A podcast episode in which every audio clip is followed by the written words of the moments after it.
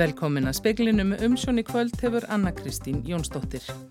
Samgöngu sáttmáli höfuborgarsæðisins er stort verkefni og eðlegt að hann sé endurskoðaður en hann er hluti af stærra verkefni samgangna í landinu öllu, segir innviðar á þeirra. Þar þarf að finna jafnvægi og leiðir til tekjöflunar. Afar lítill munur er á verði á þeim vörum sem er í verðgátt stjórnvalda. Hún verist ekki að ítt undir samkeppni hjá verslunum. Landsvirkjun hagnaðist um tæplega 16 miljardar króna á fyrstu 6 mánuðum ársins. Og það er hægt að bæta aðferði við veiðar á stórkvölum að mati starfsóps matvalar á þeirra sem skilaði skýrslu um málið í dag.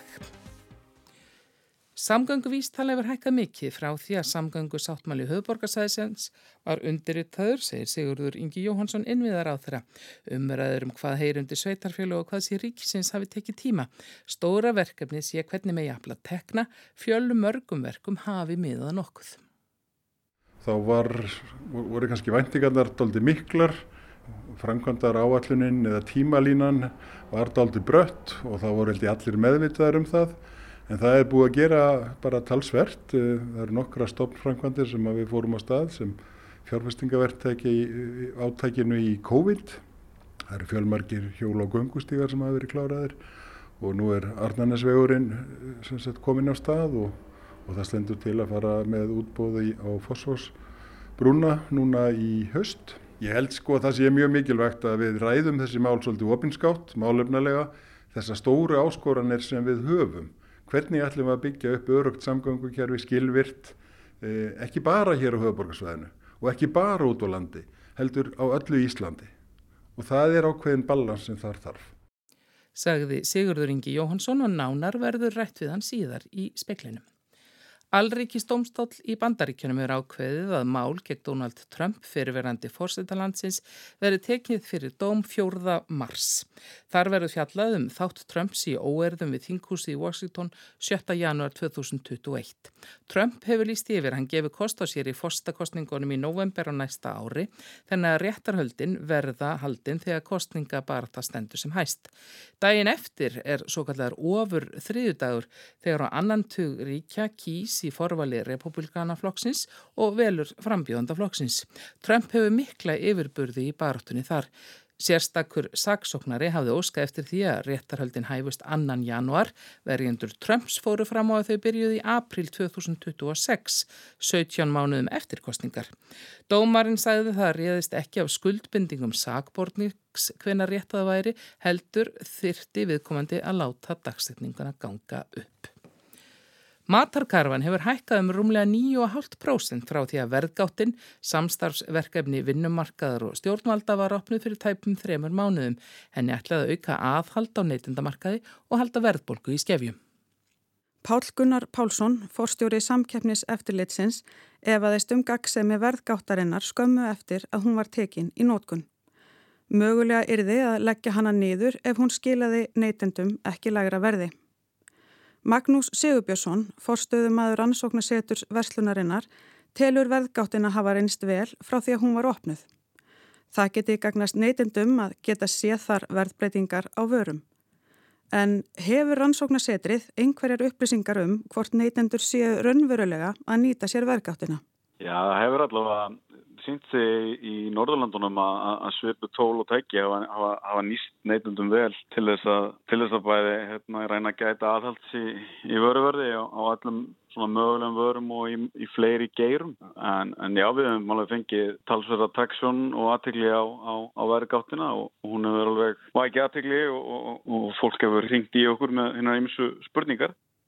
Vilhjálmur Hilmarsson, hagfræðingur BHM segir helsta ávinningaverðgáttinni vera að með henni sé hægt að sjá svart á kvítu hvernig íslenskur markaður virkar.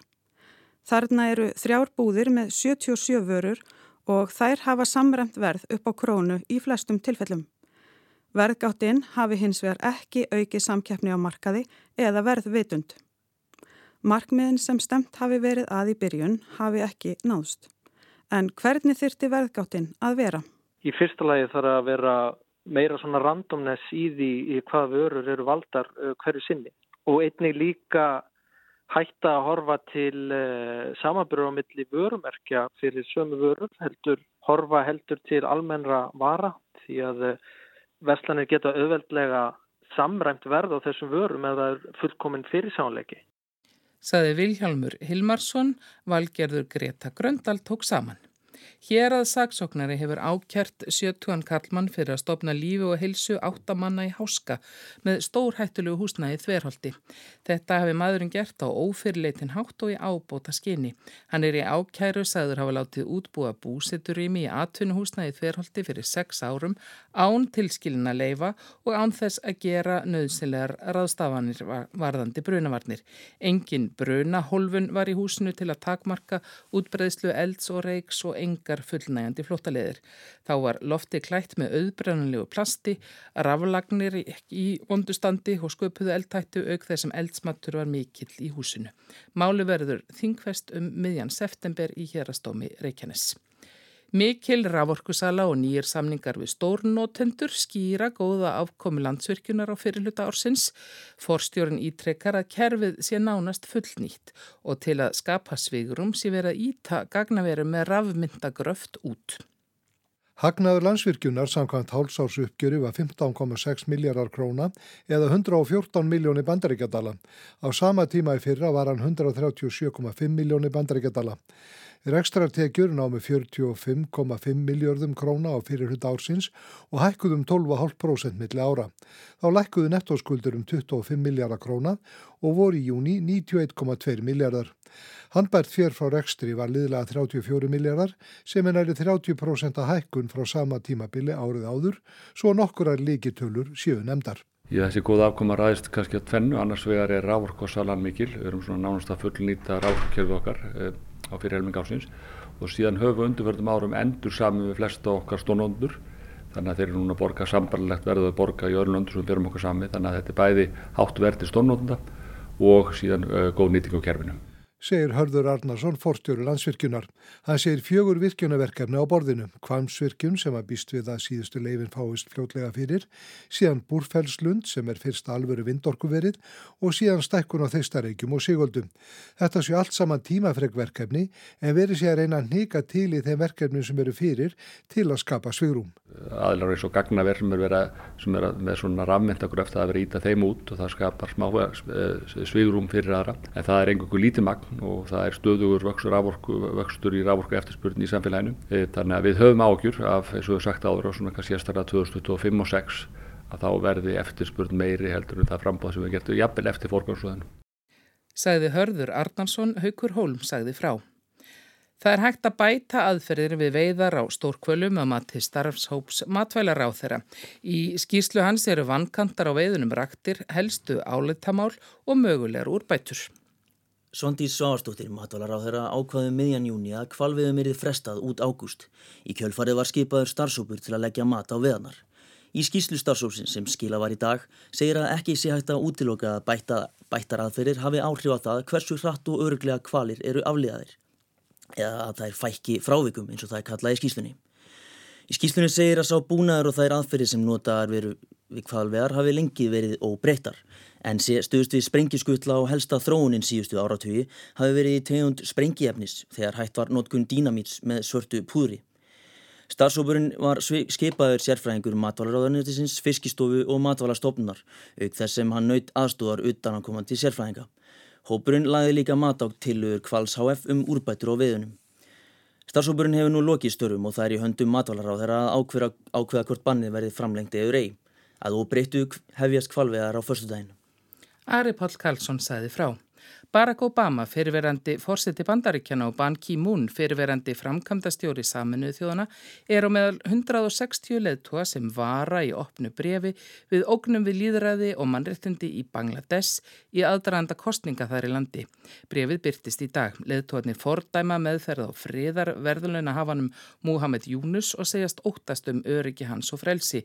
Yunus, sem er 83 ára, er sagður að hafa komið miljónum manna úr fátaktargildru en er komin í ónáð hjá forsætisráþæra landsins sem segir hann merksjú að fátaka. Jónus fekk friðarverðlaun Nobels 2006.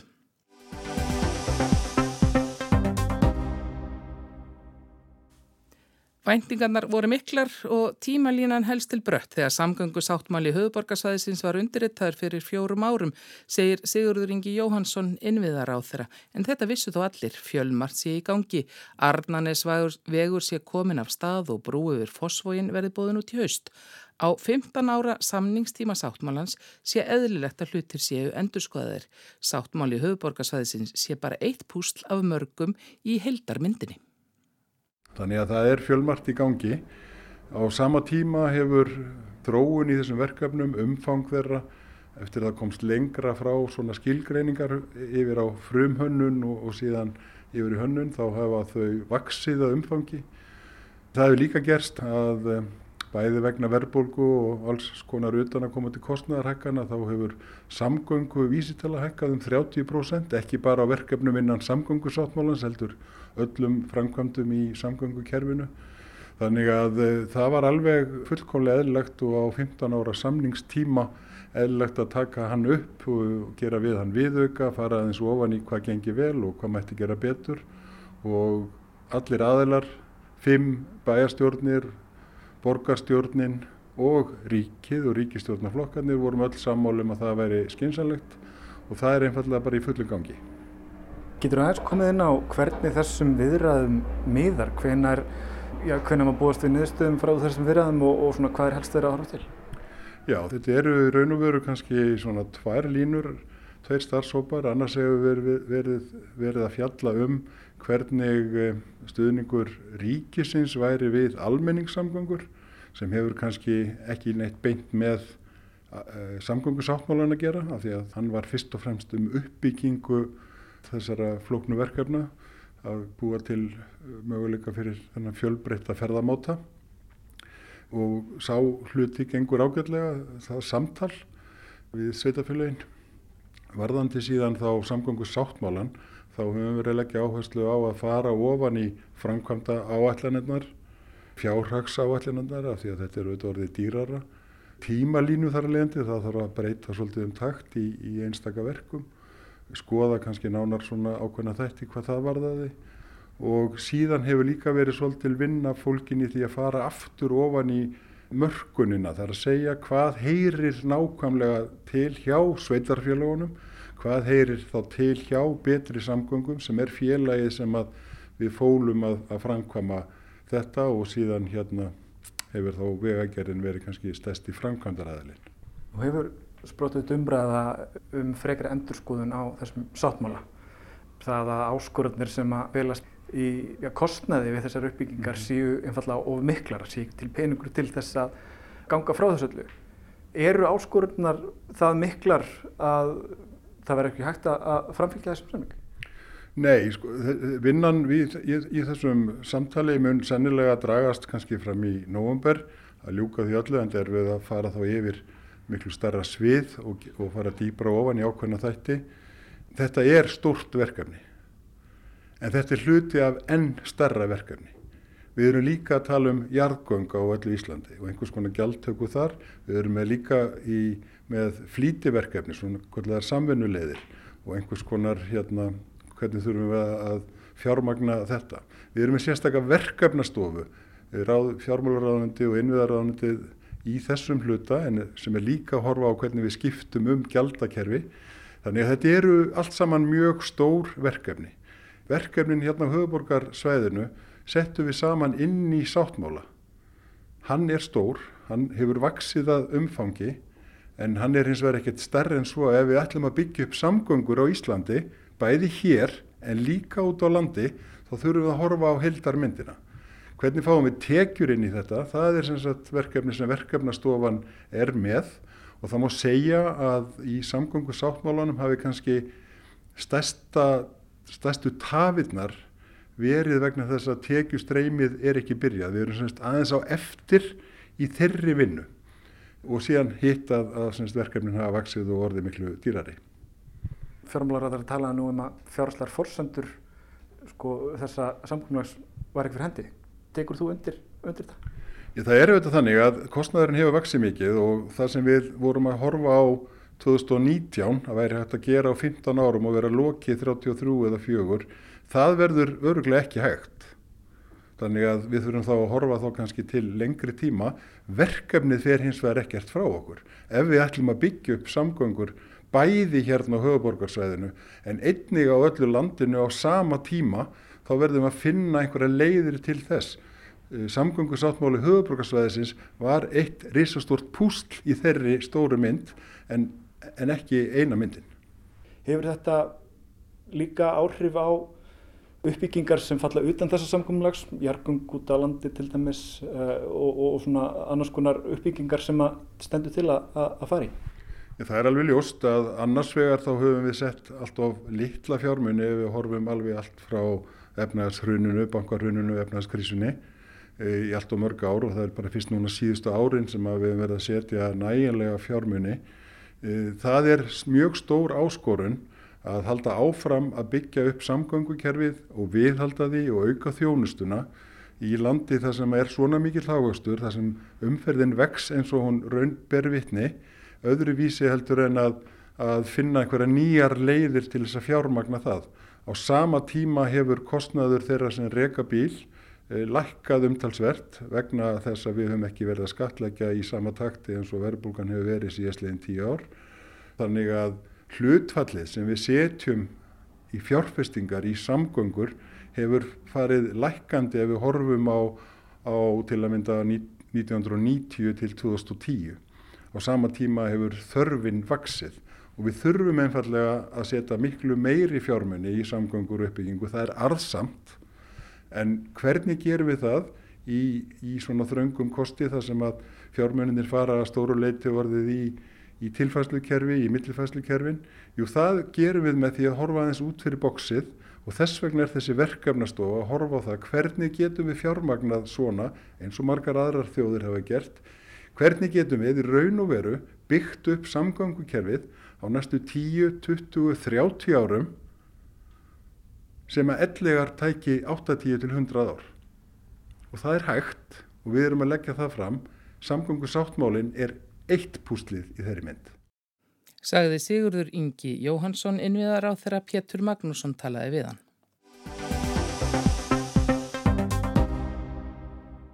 En orðstýrd er aldrei eitthvað sem sér góðan getur eru líkast til þau snillirði úr háamálum sem oftast er viknað til, sér í lagi minningagreinum.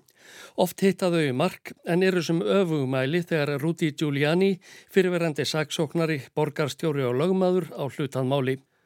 Giuliani var á árum áður afkastamesti alrikis saksóknari bandaríkjana og borgarstjórin sem afglæpa vatti New York borg og gerða naðeinni henni örugust í landinu, að notuð séu hans eigin orð.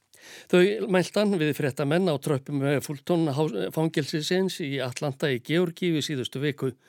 Þángað var hann ekki komin til að hýta skjólstaðing, heldur til að svara til saka fyrir að hafa tekið þátt í að reyna að snúa úrslitum fórsetakostningana 2020, skjólstaðingi hans Donald Trump í vil. Átján aðrir eru ákærðir í málinu þeirra á meðal Trump sjálfur. Giuliani bar af sér sakir þarna á tröppunum. Þetta er ekki árás á mig eða Donald Trump. Þetta er árás á gjörfalla bandarísku þjóðina, sagðan um ákæruna sem sagbortningunum hefur verið byrt. Fanny Willis ákæranda í málinu sagðan að þyrði minnst sem mannsins sem hefði gert eina alvarlegustu árás sögunar á bandarísku stjórnarskrána þegar málinu og hendur 19 menningunum hefði verið vísað frá. Að þessu lokni settist Giuliani upp í bíl sem ókað fyrirtæki í grendinni þar sem sakbortningum eru útvegað tryggingafið til að fá að ganga lausir. Það er ekki ofsugum sagt að starfsferillur út í Stjúlianis var glæsilegur áratugum saman. Sem Alrikis saksóknari reyðast hann á nýjunda áratug síðustu aldar gegn fóringjum mafíunar í New York og ákjærði þá sangkvæmt svonefndum ríkólögum. Þau voru sett árið 1970 í því augnamiði að koma mafíufóringjónum að bakvið lás og slá. RICO er skamstöfun fyrir Racketeering Influenced and Corrupt Organizations Act eða lög gegn skipulögðum gengjum og fjárglæfrum. Fyrir tilstilli þeirra var undað sakfellafóringjana sem ekki tóku þátt í hinnum eiginlegu glæpum en letu undirsáta sína vinna verkin. Hugsunin að bæki lagasetningunni var að sá deilir glæp sem gróðan þykkur. Time fréttatímaritið kallaði herfur Giulianis og hans manna gegn mafíufóringjónum eitt mikilvægasta áhlaupið á innviði skipularar glæpastarfsemi frá því að Chicago-mafían var upprætt árið 1943. Fyrir kaltæðinni örlagana beitir Fanny Willis, eh, saksóknar í Fulton síslu í Georgiu, Ríkó mafíulögunum gegn 19 menningunum sem sakaðir er um að það var enda snúa niðurstöðu fórsölda kostningana í Georgiu. Gamlir anstæðingar Rúdis Giulianis voru ekki seinir á sér að benda á þetta, svo sem Jeffrey Lichtman sem á sínum tíma varði mafíufóringjan John Gotti yngri. Í viðtalið við Breska dagblæði Guardian segir hann að allir skjólstæðingar hans sem Giuliani sótti til Saka hlægi að því að svo sé komið að því að lögunum verði beitt gegn saksóknaranum fyrirverandi. Engvers konar karma hljóti að vera þar á ferðinni. Eftir velhæfnið störf sem saksóknari og einn af aðstu embættismönnum dómsmálaráðunetisins ákvað Rúti Giuliani að snúa sér að stjórnmálum. Hann segraði í borgarstjórakostningunum í New York árið 1993. Helstu verkans árin og eftir voru að berjast gegn glæpum. Það gekk með slíkum ágætum að sum hverfi sem almenningur hætti sér ekki inn í urðu vinsælir ferðamannastaðir eftir að hreinsað hafði verið til. Eftir hriðverka árásýrnar í borginni 11. september 2001 þótti Giuliani standa sig með slíkum ágættum við að gefa borgarbúum og landsmönnum öllum trú og von að farið var að kalla hann borgarstjóra gjörvallra bandaríkjana. Danska ríkisútvarpið hefur eftir Kim Bildsö Lassen sem var frettarittari í New York á þessum tíma að vinsaldir Giulianis hafi verið orðnar slíkar að margir hafðu kvartan til að fara í forsetta frambóð. Hann gaf kost á sér sem fórsetaefni republikana en hafði ekki erindi sem erfiði. Hann gerðist síðan lögfræðir ágjafi frambóðs Donald Trumps árið 2016 og varð árið eftir persónulegur lögmaður hans og síðustu árin sérstök málpípa þar sem hann hefur borið fram margskonar ásakanir um svík sem er demokrata í kostningunum 2020. Margar hafa þær endar fyrir domstólum. Í yfir 50 hefur verið vísað frá vegna skorts á sannunargögnum að sagna Reuters frettastofunar. Þá hefur framkoma Giulianis þótt verða sífælt undarlegri og orðið pólitískum andstaðingum hans, frettamönnum og frettaskýrendum tilefni til að hæða staðunum. Það þótti saga til næsta bæjar þegar svartur háralitur tók að leka niður kinnarans á frettamannafundi. Fundur sem hann bóðaði á Four Seasons í Philadelphia fór ekki fram á hótelinu viðfræga, heldur á bílaplani utan við Four Seasons landskeiping gróðrarstöðina í borginni. Öðrum megin við hana var verslun sem seldi hjálpartæki ástarlífsins og líkhús hinum megin. Skömmu áður en æstur múgur ruttist inn í þinghúsið í Washington ávarpaði Rúti Giuliani fund og krafðist þess að fá aðgangað kostningavélum sem hann sagði að hefðu verið notaður til að hafa sigurinn af Donald Trump. Ef við höfum rámt fyrir okkur, gerum við okkur að fýblum. Ef þetta reynist rétt fer fjöldi fólks í fangelsi, sagðan. I'm willing to stake my reputation, the president is willing to stake his reputation on the fact that we're going to find criminality there.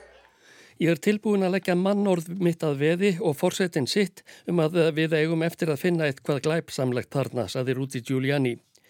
Vélarnar reyndust verið í lægi, framleiðendur kostningavélana fara fram á háar skadabætur fyrir ósannindi og mannorð lagmannsins og borgarstjórans fyrirverandi er vart til margra fiskametið lengur. Ásker Tómasson tók saman.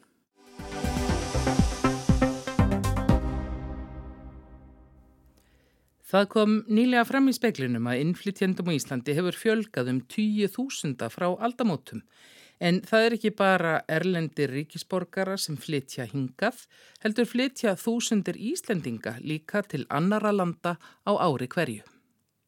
Hinn viðtekna alþjóðlega stopnarnaskilgreining á innflytjandum er svo að innflytjandi sé sá eða svo sem fættir í einu landi en flytur til annars og á foreldra sem einnig eru fættir erlendis. Við þetta bæta svo börn innflytjenda sem þá teljast annarar kynnslóðar innflytjendur. Yfir 70.000 manns falla undir þessa skilgreiningu hér á landi um þessar mundir og koma víða að. Víða um heim á líka finna Íslendinga sem á sínum nýju heimaslóðum flokkast þá sem innflytjendur. Speillin spurði Ólúfu Garðarstóttur, professor í sakfræði, fórsetta hugursindadeldar Háskólu Íslands og sérfræðingi í mannfjölda fræðum, hvort vita sé hver margir þeir eru. Sko við vitum það að Íslandingar eru afskaplega duðlegir að flytja til útlanda en við vitum líka að þeir koma mjög gerðan tilbaka. Og svona rannsóknir sem hafa verið gerðir eða kannanir sem hafa verið gerðir á þessu sína það að um 70% Íslandinga koma tilbaka innan 7 ára. Og ég eitthvað tíma skoðaði þetta upp úr hruninu þar að segja þeir einstaklingar sem fóru úr landi, fóru bísnamarkir Íslandingar um til útlanda í, í kjölfar hrunsins En þeir komu líka í sama mæli tilbaka eins og aðrir sem hefur farið áður og, og síðar sko. Þannig að íslendingar hafa tilneingu til að koma tilbaka. 70%, ég minna það er kannski ekki droslega hátala, ég minna það er þá 30% sem verða eftir. Ég hef nú ekki skoðað þessa tölu nýlega en það er til hjá hagstofunni yfir fólk sem fer og það kæmi mér ekki óvart þó að það væri um 50.000 mann sem að væri ellendis. Þetta er aldrei mjög nákvæmtala því að fólk sem fer ellendis og ílendist ellendis Jafnvel þótt að nafn þeirra sé skráði í þjóðskrá, þar að segja ekki í þá þjóðskrá sem að byrtar eru tölur upp úr, heldur í gagnagrunum hjá þjóðskrá, að þá er ekkit endilega sjálfgefið til, til dæmis að það berist upplýsingar um það hvena fólk deyr. Og ég man þegar í gamla dag þegar ég var að vinna á hagstofunni að þá uppkvæmtaði það allt í henni að það var, hérna voru fleiri Íslandingar í útlöndun sem voru 100 ára eldri heldur en Íslandingar á Íslandi sem voru 100 ára eldri sem segir okkur væntalega ekki það að Íslandingar sé svona langlýfur í útlöndum heldur yfir það að við missum svolítið af fólki sem að fer til dæmis til Ástralíu um 1970 og sestar að það, það er ekkit endilega að, að maður frétt af því þó að það fólk falli frá. Akkurat. Þannig að og... þetta er ekki nákvæm tölu en auðvita sko ég minna að maður getur náttúrulega nokkur neins leið á þessa tölu með þeim upplýsingu sem maður hefur úr þjóðskrá og þetta er og bara við miðum okkur hinn Norðurlöndin að þá höfum við bara allt frá sjönda áratögnum flust meira til útandald öll í Norðurlöndin. Ég held að við séum tvöfall líklega heldur en Danir sem er svona næst líklegastir og já, og eins og ég segi, við komum frekar tilbaka. Það er svona, af hverju er þetta? Jú, við erum lítið land, við höfum kannski gett neitt sömu mentunar möguleika og önnur lönd, þannig að fólk fór gætnan ellendist til að menta sig, en Íslandika farið mitt líka ellendist til að vinna og við sáum það náttúrulega í hruninu að fólk í byggingarinnan var mjög fljótt að taka sig upp og, og fara ellendis þegar hrunni var. Það fóru mjög margir innan menn bara strax til Noregs og vantala til annara landa líka. En það var náttúrulega hrun allstar annar staðar en Noregur þurfti á slíku vinnuafla halda og sama með helbriðstarfsfólk. Það hefur verið þörf fyrir það víða um lönd og það voru margir sem fóru emitt í hruninu og eftir hrunnið. Til Noregs? Og eru það kannski enn? Já, ábyggil ekkurir sko en margir komið eins og þetta tilbaka. Ég hef svona haft á kenningu að, að þetta minnstur hafi svolítið skapast á Íslandi þegar síldarhunni varð rétt fyrir 1970 og atvinnuleysi mikið en alveg mikil uppsefla allstæðar í Evrópu og raunar annar staðar. Þannig að það var þörf fyrir alls konar vinnuafl þannig að Íslandika fór í miklu mæli bæði til Danmörkur, Svíþjóðar og svo stórhópulur reynda sem fór til Ástralju og margir þeirra búa þar enn. Mikið af þessu fólki kom aftur og ég held að þetta við svona skapað einhverja, einhverja hefð á Íslandi. Það er allt í lagi bara að fara og Svo séum við til hvort maður kemur aftur. Já, bara kemur í ljós. Og svo náttúrulega það sem gerist náttúrulega leið og þetta gerist að það er meiri ásókn í nám og meiri möguleikar til að menta sig, betri lánakjör hjá lánasjóðunum, samninga við Norðurlöndunum að einstaklingar sem koma frá Íslandi hafis, eða Norðurlandabúar hafa sami rétt í öllum löndunum. Ég held að þau lög komið myndum þetta leiti, leiti líka. Þannig að það er ekki bara þessi síldarhundskýring sem að skýrir þennan mikla fjölda heldur alls konar aðeins hlutir sagði Óluf Garðarstóttir Ævar Örn Jósefsson rætti við hana. Og í spekli kvöldsins var meðal annars sagt frá því að innviðar á þeirra til er ekki líklegt að það verði hægt að ljúka verkefnum samgöngusáttmála höfuborgarsæðisins á þeim tíma sem lagt var upp með í upphafi. Þá sé ekki þörf á meiri háttar endurskoðun á sáttmálanum sem sé eitt púsl í stærri mynd samgangna í landinu. Afar lítill munur er á verða á þeim vörum sem er í verðgátt stjórnvalda og hún verist ekki af ítendir samkeppni millir verslana. Landsvirkjun hagnaðist um tæpa 16 miljardar króna á fyrstu 6 mánuðum ársins og það er hægt að bæta aðferðir við veiðar á stórkvölum að maður til starfshóps mentamálur á þeirra. Veðurhorfur á landinu til miðnættis annað kvöld, það verður fremur hæg, suðlag eða breytileg átt á morgun, suðaustan stinningsskóla með suðurströndinni, skúrir suðaustanland sem annars bjart og þurft að kalla og fremur hlít í veðri. Fleir er ekki speklinum í kvöld, tæknimaður var Mark Eldredd, Anna-Lísa Hermannsdóttir stjórnaði fréttaútsendingu, veriði sæl.